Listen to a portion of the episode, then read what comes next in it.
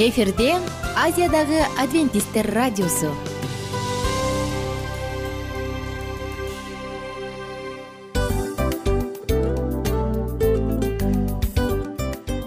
Достор салют.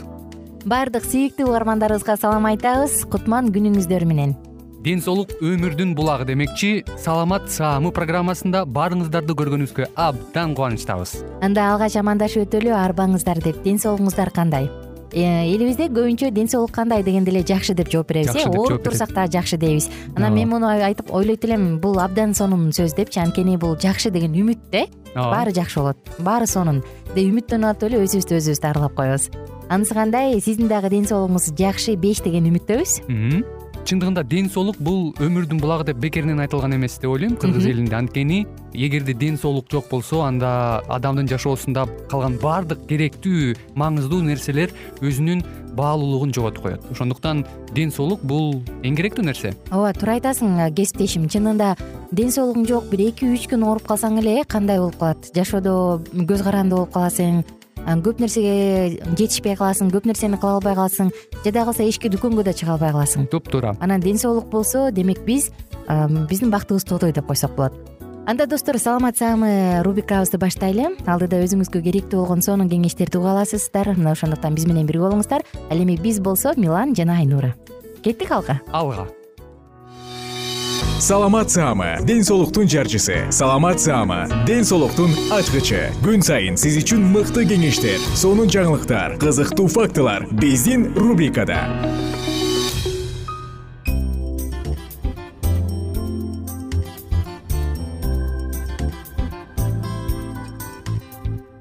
Салют достор кутман күнүңүздөр менен. Кандайсыздар маанайыңыздар сонунбу ден соолук жакшыбы. Мен болсо сиздерди саламат саама рубрикасында сагынып күттүм баардык сагынычтуу баардык угармандарыбызга сагынычтуу салам. Жана сиздер менен бүгүн бутка табигый кам көрүү жөнүндө сөз кылалы деп турабыз. Мына бүгүнкү темабыз бутка табигый кам көрүүчү каражаттар. Негизи бутубуз дайыма денебизде болгон салмакты көтөрүп бизди кыймылдатып ары бери ташып жүргөндүктөн бутка чындыгында өзгөчө кам көрүү керек э. Мисалы отурабызбы турабызбы басабызбы баардык жерде буттун катышуусу болуп атпайбы. Ошондуктан бутка кам көрүү зарыл эмесе достор ванна душ массаж дары чөптөрү булардын баардыгы тең бутка жакшы таасир тийгизүүчү каражаттар. Булардын бирин колдонуп өзүңүздүн саламаттыгыңызга кам көрсөңүз болот. Анан эң эле биринчи кезекте айта турайын айтайын дегеним бул бутка жасалуучу контрасттык ванна контрасттык суу. Контраст дегенде эле бирде муздак бирде ысык. Бул баарыбызга белгилүү. Мына ошондуктан контрасттык ваннанын бутка кандай пайдасы бар деп сурашыңыз мүмкүн. Ооба достор бул жакшы суроо бутка контрасттык ваннанын абдан таасири зор анткени ал артериалдык жана веналык кан айланууну абдан жакшыртат. Өзгөчө өзүнчө бир гимнастиканын түрү болуп саналат артерия жана веналар үчүн караңызчы. Мына ошондуктан сиз бул нерсени жасап өзүңүздүн саламаттыгыңызды чыңдасаңыз болот. Бутка ваннаны кайсы учурда жасоо сунушталат биринчиси ишемияда. Кан айлануунун жетишсиздигинде буттарда жана бул негизи көбүнчө атеросклероз менен байланыштуу болгондуктан мына бул нерседе бутка ванналы жасасаңыз болот контрастты. Экинчиси веналык жетишсиздикте. Тагыраак айтканда веналар шишип кан жакшы жетпей кыйналып тромбтор пайда болуп калган учурда жасасаңыз болот. Жана мындай контрасттык ванна варикоздун баардык веналарын жоонойтуп же кеңейтет. Температураны айта кете турган болсок контрасттык ванна үчүн ысык суунун температурасы отуз алтыдан кырк эки градус цельсий болушу керек. Ал эми муздак суунун температурасы он эки градустан он беш градус цельсийге чейин болгону жетиштүү. Эми достор алгач бутуңузду ысык сууга саласыз. Бул мындай бийик э, чака болгону жакшы. Анан сууну бутту сууга салганда суу тизеге чейин жеткендей болушу керек. Ошондуктан мындай бийик чоң чака болушу керек албетте эгер сиз чоң адам болсоңуз жана бутуңуз чоң болсо боюңуз узун болсо э эгер бою кичинекей же балдар боло турган болсо анда ал жактан дагы сууну ченеп куюп алабыз. Бутуңузду ысык сууга саласыз отуз алты кырк эки градус болгон тизеге чейин суу болушу керек. Ал жактан бир нече мүнөткө чейин салыңыз. Андан кийин аны алып чыгып туруп муздак сууга дароо салыңыз. Муздак суунун температурасы он эки он беш градус болушу керек. Бул процедураны үч беш жолу кайталаңыз дагы аягында муздак суу менен бүтүрүңүз. Ысык сууга беш мүнөттөй салганыңыз жакшы. Анан үч беш жолу жасагандан кийин аягында он он беш секундтай муздак сууга салып анан чыгарып аласыз. Эми достор лимфодренаж жөнүндө сөз кыла турган болсок лимфодренаждык массаж дагы адамдын бутунда веноздук кан айланууну абдан жакшыртат. Ал жактагы суюктуктардын туруп калышына жол бербейт жана бут өзүн ооруксунтуп оор сезип аткан болсо бул ооруксунуудан арылтканга дагы жардам берет ошондой эле согончок буттун таманы үчүн дагы атайын кан айлануу үчүн атайын ванна жасасаңыз болот. Болгон болушунча аз эле суу куюп аласыз дагы анан кийин ал жактан бутуңузду жасайсыз. Бул сизге дагы дагы бир жолу айтайын кан айланууну жакшыртат. Эми достор кан айланууну жакшыртуучу каражаттар жөнүндө сөз айта турган болсок кайсы бир дары өсүмдүктөр бар. Алар бутту буттагы кан айланууну жакшыртат. Мисалы ал үчүн сиз атайын дары чайларды ичсеңиз болот компресс жасасаңыз болот жана өсүмдүктөрдүн кайнатмасынан тундурмасынан припаркаларды жасасаңыз болот. Ошондой эле экстракттар бар гель крем жана башка фармацевтикалык препарат каражаттар бар. Булардын баардыгы тең адамдын бутунда кан айланууну жакшыртат. Эгерде сиз бутуңуздун артериалдык кан айланууну жакшыртууну каалай турган болсоңуз анда гинго билоба деп аталган өсүмдүктүн жалбырагынан атайын кан тамырларды кеңейтүүчү атайын атайын мындай припаркаларды жасасаңыз болот. Анан албетте эгерде сиз веноздук кан айланууну жакшыртууну кааласаңыз анда конск каштандын кабыгы же анын жемишинен атайын көнүгүүлөр дебедимби припаркаларды жасасаңыз болот. Мындай каштандын териси кабыгы жана анын жемиши биздин денебизде веналарда ар кайсы жерде кан катып калат эмеспи? Туруп же тромб пайда болуп. Мына ушундай нерсенин баардыгын тең жок кылат дагы буттун шишигин жок кылып алып коет. Ошондой эле достор өзүбүзгө өзүбүз массаж жасаган дагы жакшы. Колдон келишинче отуруп алып туруп буттарыңызга массаж жасаңыз кан айланууну жакшыртат жана ошондой эле буттагы оорчулук сезимди жок кылат. Жана муздак душ жөнүндө айтайын. Өтө катуу аккан суунун агымында муздак душ бул нерсе адамдын денесинде венада кан айланууну жакшыртат. Буттан жүрөккө чейин бат тез жеткирет. Ошондуктан бутта кандайдыр бир туруп калган кандар бар болсо шишик бар болсо варикоз бар боло турган болсо алардын баардыгын жеңилдетет. Дагы бир жолу айтайын. Катуу аккан душта суу аябай катуу агыш керек. Анан муздак суу менен буттан ылдыйдан өйдөнү көздөй кылып сууну багыттасаңыз бутуңузду өзү бир кереметтүү жол менен дарылайт. Ошондой эле достор кийинки айта турчу кеңешибиз. Саныңызга жасалуучу грелкадан жасалган ысык компресс. Грелкага ысык суу куясыз дагы сан жагыңызга сандан өйдөрөөк жамбаш жака басасыз.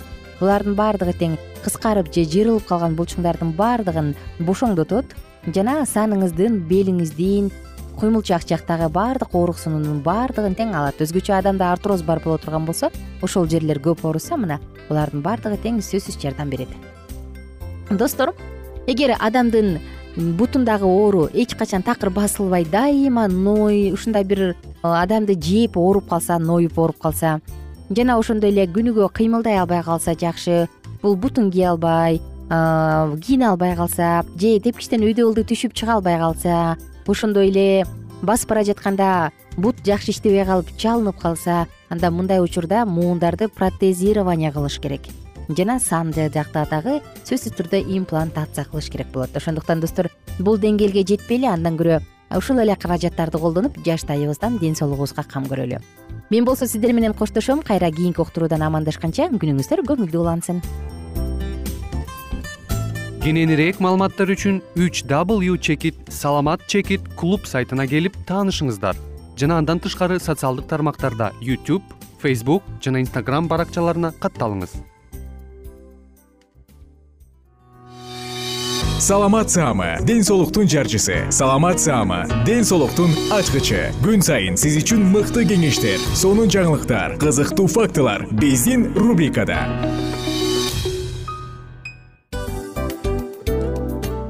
салам достор. Кайрадан биздин сүйүктүү рубрикабызга кош келиңиздер деп айтмакчыбыз. Баардык замандаштарыбызга арбаңыздар деп саламыбызды айтабыз. Улуу ушундай бир урматтаган учурашуу менен анан дил маек радио баракчабызга чакырабыз. Негизи дил маек биздин рубрикабызда эмне жөнүндө кеп кылабыз бул дил маектин мааниси эмнеде рубрикабыз менен кичине тааныштырып кетсеңиз. Сөзсүз түрдө тааныштыра кетейин кесиптешим суранычы боюнча бул учурда бул радио баракчада биз ар тарап кесип ээлеринен сонун кеңештерди алабыз сүйлөшөбүз сырдашабыз. Аталарыбыздын эжелерибиздин апаларыбыздын кеңештерин угабыз айтор. Жан дүйнөгө адамдын э, сапатына адамдын деги эле адам болуп жашашына керектүү баардык кеңештер алдыда.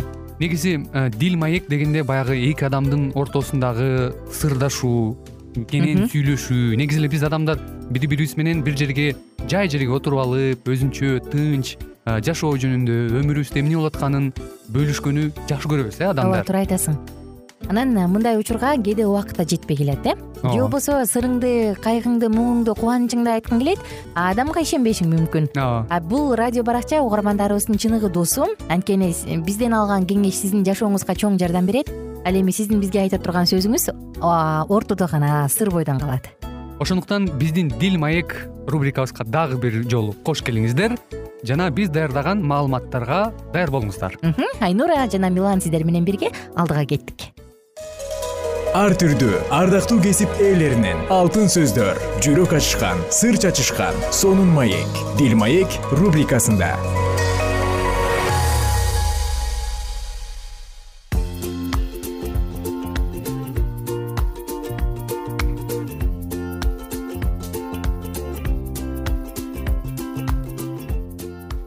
салам достор. Биздин жалпы сүйүктүү угармандарыбызга салам жана өзгөчө үй бүлөлүүлөргө үй бүлө курам деген угармандарыбызга салам. Биз сиздер менен дил маек уктуруусун баштадык. Дил маек рубрикасында бактылуу үй бүлө деп аталган циклды андан ары улантуудабыз. Жана албетте достор баарыңыздарды дал ушул сааттарга кош келиңиздер деп чакырабыз. Бүгүн сиздер менен үйдүн шарттуу курулуусу жөнүндө бир аз болсо дагы сөз кылып кетүүнү туура көрдүк. Анда эмесе келиңиздер. Бирге сонун маалыматтардан кабардар бололу дүйнөдө адамдын миллион которулуучу жайы болуусу мүмкүн. Бирок уя бирөө гана. Джон раскин. Кудай эң сонун көрүнүштү сүйөт. Ал жерди жана асманды көркөмдүк менен курчаган жана аталык кубанычы менен биз анын колу менен жасалган жаратылышына суктануубузду карап турат. Ал биздин үйдү жаратылыштын сулуулугу курчап туруусун дагы каалайт. Үйүңөрдү жөнөкөй буюмдар менен жайгаштыргыла. Тазалоо учурунда кыйынчылык келтирбеген жана аларды жаңылоодо силерди өтө көп чыгымга учуратпасын. Силер өтө жөнөкөй үйдү жарашыгын таап кызыктырарлык кыла аласыңар. Эгерде ал жерде сүйүү жана кубаныч бийлик жүргүзсө жакшы уюштурулган үйдө канчалык иреттүүлүк болсо ошончолук үй бүлө бактылуу болот. Кээде кайсы бир үй бүлөлөрдү карап таң каласың э? Эмеректери деле өтө кымбат эмес. Жөнөкөй жупунуу бирок абдан мындай жайлуу уютный деп коебуз го. Абдан жагымдуу. Жүрөгүң тим эле мындай бир мемиреп калат эмеспи ушундай үй болсо чын эле сонун. Жашоо кубанычын кантип жоготуп коюса болот. Жашоо өмүр. Көпчүлүк адамдарга көңүл кайтуулук жана чарчап чалыгууну алып келет. Анткени бул дүйнөнүн талаптарына байланыштуу өздөрүнүн кереги жок турмуш түйшүктөрүнө чармап алышат. Алар модадан туулган муктаждыктарды кантип канааттандыруу керектиги тууралуу түйшүктөр менен тынчсыздыкта. Эгерде көрүнүктүү эң чоң чыгымдарды алып келбесе дагы бирок ашыкча болгон иш жана күч сарптоолор аларга жумшалууда. Адамдар эмнелер салтанаттуу жашоонун буюмдары болуп саналса ошолорду алыш үчүн кумарлануу менен ден соолугунан кечип күчүнүн жана акча каражаттарынын сарп болгондугуна карабастан умтулуп келишет. Үй деген сөз бурмаланган. Жана анын мааниси чектелген төрт дубал жана көркөмдүү эмеректерге толтурулган жана жасалгалар. Деп түшүндүрүлөт э? Ошол жашоо чөйрөгө ылайыкташуу болуш үчүн анын тургундары моданын талаптарына теңелүүнү каалайт дагы ар дайым чымырканышат иштешет тиштешет аракет кылышат эмеректи алмаштырып башкасын алат аны кайра сатып кайра башкасын алат э? Адамдар эгерде өз көңүлүн сырткы көрүнүштөргө гана бөлүп коюшса үй бүлөлүк жашоолорунда бактысыз болот. Алар тааныштарына таасирин калтырыш жана иришип жүрүп бирөөгө жакшы көрүнүш үчүн токтобостон иштеп өз акчаларын сарп кылышат. Бирок тигил адамдарды булардын жетиштүүлүгү же өзүлөрү дагы кызыктырбайт. Кандайдыр бир үй тиричилигине керектүү болгондой буюм бечкектер биринин артынан бири алынып жатат. Көздүн жоосун алган кымбат баалуу жасалга кооздук нерселер атак сүйүүчү жана кекирейген текебер адамдарды кыялдантат. Бирок үй бүлөгө кичинекей даражада дагы комфортабелдүү жайлуулукту кошпойт керек болсо бир эмеректин айынан урушуп кетип ажырашкан жубайлар бар э. Ушунун эмне кереги бар эле? Ушунча акча турат дейт дагы нааразы болгондар бар. Бул дүйнөдөгү көпчүлүк адамдар буюм бешкектерге жакындыкты алып жатышат. Мүмкүн алардын кээ бири өз алдынча жакшы бирок ушу менен чектелип калышкандыктан адамдар көлөмдүү жана жогорку кудай берүүнү каалаган жыргалга умтулушпайт. А мүмкүн кудай бизге таптакыр башка нерсени бергиси келип жаткандыр. Ким дүйнөкордукка көбүрөөк кызыкса алар өмүрдөгү кубанычын жоготот. Алар эсептешкендей ушул буюм теримдер аларды канагаттандыра албайт деген чечимге келишет. Бүтпөгөн тиричиликтин айланып туруусу жана үйдү дагы кантип жасалгаласа болот деген токтолбогон тынчсыздануу дагыдай меймандардын жана башка адамдардын алдындагы мактанычтыгы бекерге убакыттын жана каражаттын жоготкондук. Адам өзүнө алып жүрүүгө өтө оор болгон кулдуктун моюнтуругун өз каалоосу менен мойнуна алып салат үйгө жайлуулук түзүүдө тазалык жана тартипке келтирүү зарыл бирок бул изигиликтер ийгиликтер кыйналуучу татаал акыбалга алып баруусу керек эмес. Үй бүлө мүчөлөрү жалоорунку абалга келип өмүр жашоо бүтпөстүктү жана зериктирме жумуштарды түзбөсүн. Эмеректерди жана буюм бешкектерди жайлаштыруу дагы милдеттүү түрдөгү тактык тартипсиздик менен бирдей эле үйдө жакталган тартиптүүлүккө жана тазалыкка болгон оору сыяктуу айланып чыкпоо. Үй бүлөдө чыны менен бактылуу болууну эңсеген үй бүлө мүчөлөрүн эс алуудан ажыратат. Качан биз өзүбүздүн жакын жолдошубуздун үйүнө конокко келгенибизде пикир алышуунун ордуна колуна чүпүрөк шыпыргысын кармап алып анан биздин жолдошубуз биз каалаган чер жазуунун ордуна биздин көз алдыбызда тигил же бул бурчтан жөргөмүчтүн жерелерин издеп таап ар кайсы кырчыктардан чаң издеп баштапкы тазалыгына киришип кетсе дурус көрүнбөк турсун жакпай да калат. Бирок мунун баарын алар бизге сый урмат көргөзгөндүк менен жасагандыктын өзүндө деле биздин жолдошубуз өз үйүнүн тазалыгынан биздин пикир алышыбызды төмөн баалагандыгын билип түшүнүү биз үчүн өтө аянычтуу. Жайлуу үй чектен тыш өтө эле жасалгалуу болуу керек эмес өтө кымбат жасалгаларга караганда жарык жана жакшы желдетилген бөлмө маанилүү. Жайгаштыруу куралдарында катаалдыктын капалыгында болуунун ордуна көңүлгө жагарлык ар түрдүүлүк байкалат. Отургучтар жана креслолор үй бүлөнүн мүчөлөрүнө жараша ыңгайлаштырылып жакшынакай жайгаштырылышы зарыл. Баардыгына иреттүү өзүнө татаар болушу керек баардык нерсе. Мүмкүн болушунча үйдү чет жактан алган жакшы. Шаар жак шаардын чет жагынан анан сыртта бак дарак гүлдөр өсүмдүктөр үйдө сонун гүл өсүмдүктөрү сонун жайлуулук тазалык болсо албетте бул бизге бактылуулукту тартуулайт. Жөнөкөйлүк жүрөгү жылуулук жана чын жүрөктөн байланыштык сымбаттуу үйдү бейишке айландырат. Тынчтыктан жана кубанычтан айрылып калуунун ордуна турак жайдын ыңгайсыздыгын сергектик менен алып кеткен дурус келиңиздер достор. Ойлонолучу мындай деп айталычы кудайым сенин үйүң биздики болуш үчүн алды менен биздин үйдү өзүнүкү кыла көр. Омин дейличи мүмкүн жараткан бизге бергиси келип жаткан үй бул эместир такыр башкадыр. Мүмкүн ал кымбат эмеректерге толгон ушундай бир кычыраган моданын артынан моданы кууган үй эместир. Керек болсо үйдү укмуш жасап коюптур ай аякка отурбай. Баланы отургузба siiп коет. Же конок келгенде колдонобуз. Деген көрүнүштү көп эле көрсөк керек э анда андай үйдүн андай эмеректердин бизге кереги барбы? Эгер ал бизге эле кайра кызмат кылбаса. Достор баарыңыздар менен кайрадан үн алышканча бүгүнкү тема бүгүнкү уккан маалыматтар дагы бизге ойлонуу үчүн жакшы жем болду окшойт. Ойлонууга жакшы түрткү берет деп ишенем. Кайрадан амандашканча бар болуңуздар. Ар түрдүү ардактуу кесип ээлеринен алтын сөздөр жүрөк ачышкан сыр чачышкан сонун маек дил маек рубрикасында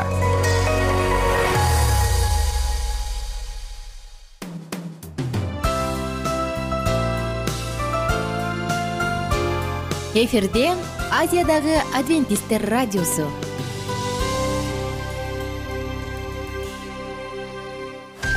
Жан дүйнөңдү байыткан жүрөгүңдү азыктанткан жашооңо маңыз тартуулаган жан азык рубрикасы.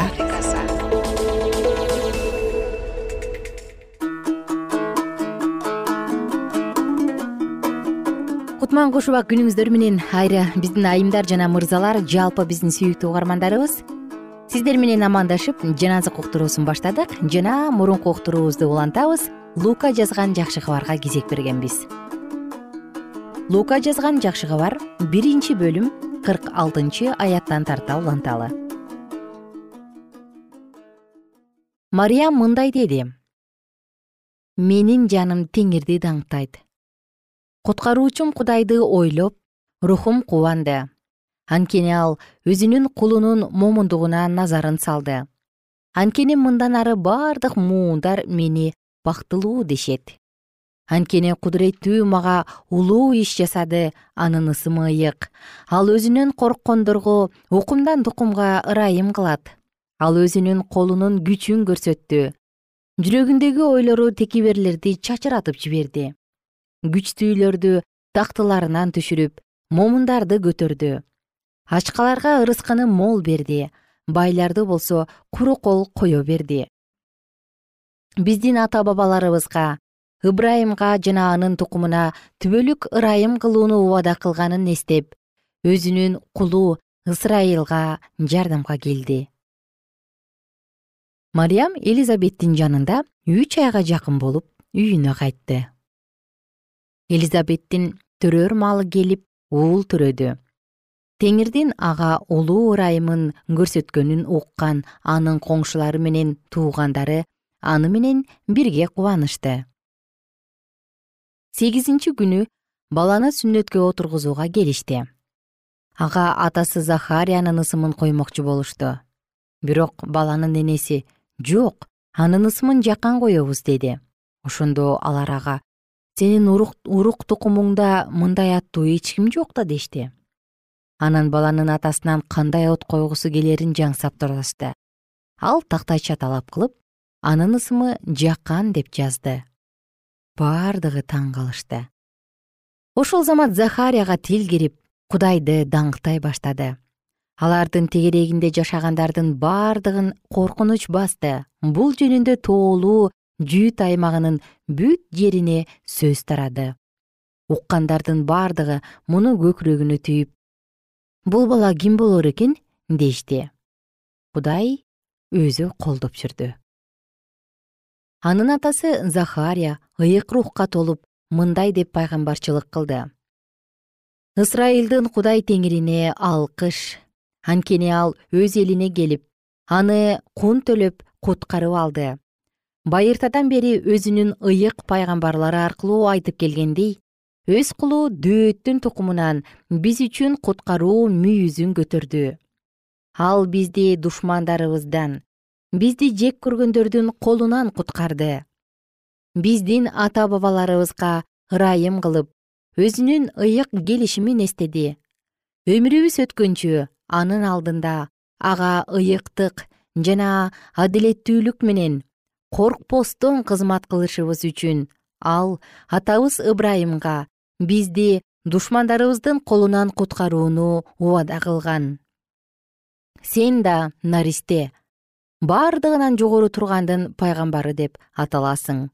Анткени сен теңирге жол даярдаш үчүн кудайдын улуу боорукердиги боюнча күнөөлөрү кечирилип куткарылаарын анын элине түшүндүрүш үчүн анын алдында келесиң. Ошол улуу боорукердик боюнча бизди тынчтыктын жолуна салуу үчүн караңгылыкта жана өлүм көлөкөсү баскан өлкөдө жашагандарга жарык берүү үчүн жогорудан бизге жарык келди. Бала болсо чоңоюп күндөн күнгө руху бекемделип жатты. Ал өзүнүн ысрайыл элине келгенге чейин ээн талаада жашады. Лука жазган жакшы кабар экинчи бөлүм. Ошол күндөрдө рим императору август бүт өлкөдө эл каттоо болсун деген буйрук чыгарды. Бул кибрени сирияны башкарып турган убакта болгон биринчи эл каттоо эле. Ошондо каттоодон өтүш үчүн ар ким өз шаарына барды. Жусуп да галилеядагы назарет шаарынан жүйүт аймагына дөөттүн шаары бейтлехемге жөнөдү. Анткени ал дөөт падышанын тукумунан эле ал өзү менен убадалашып койгон кош бойлуу аялы мариям менен бирге каттоодон өтмөкчү болду. Алар бейтлехемге келишкенде мариямдын төрөр маалы келип тун уулун төрөдү аны ороп сарайдагы акырга жаткырды анткени мейманканада аларга орун жок болчу.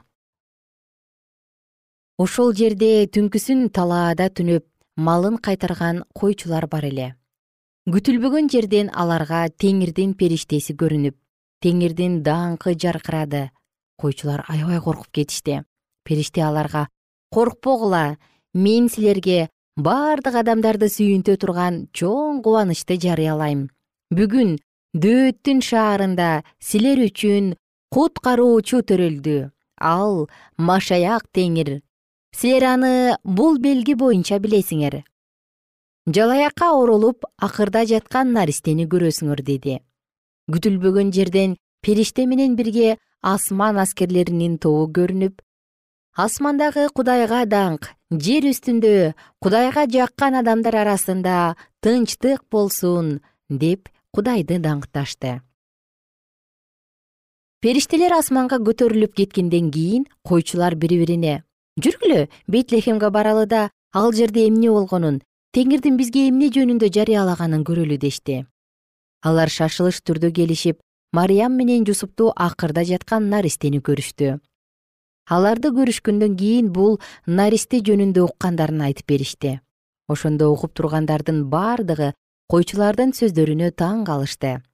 Мариям болсо бул сөздөрдүн бардыгын көңүлүнө түйүп эсине сактады. Койчулар көргөндөрүнүн уккандарынын баары периштенин айтканындай болгондугу үчүн кудайды даңктап мактап кайра кайтышты.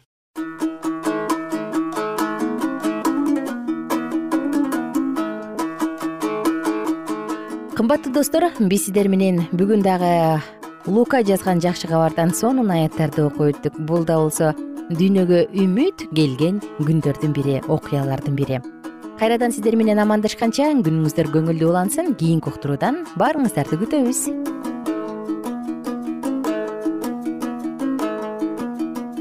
Эгер сиздерде суроолор болсо же көбүрөөк маалымат билем десеңиз анда биздин whatsapp номерибизге жазыңыз. Плюс бир үч жүз бир жети жүз алтымыш алтымыш жетимиш. Кайрадан плюс бир үч жүз бир жети жүз алтымыш алтымыш жетимиш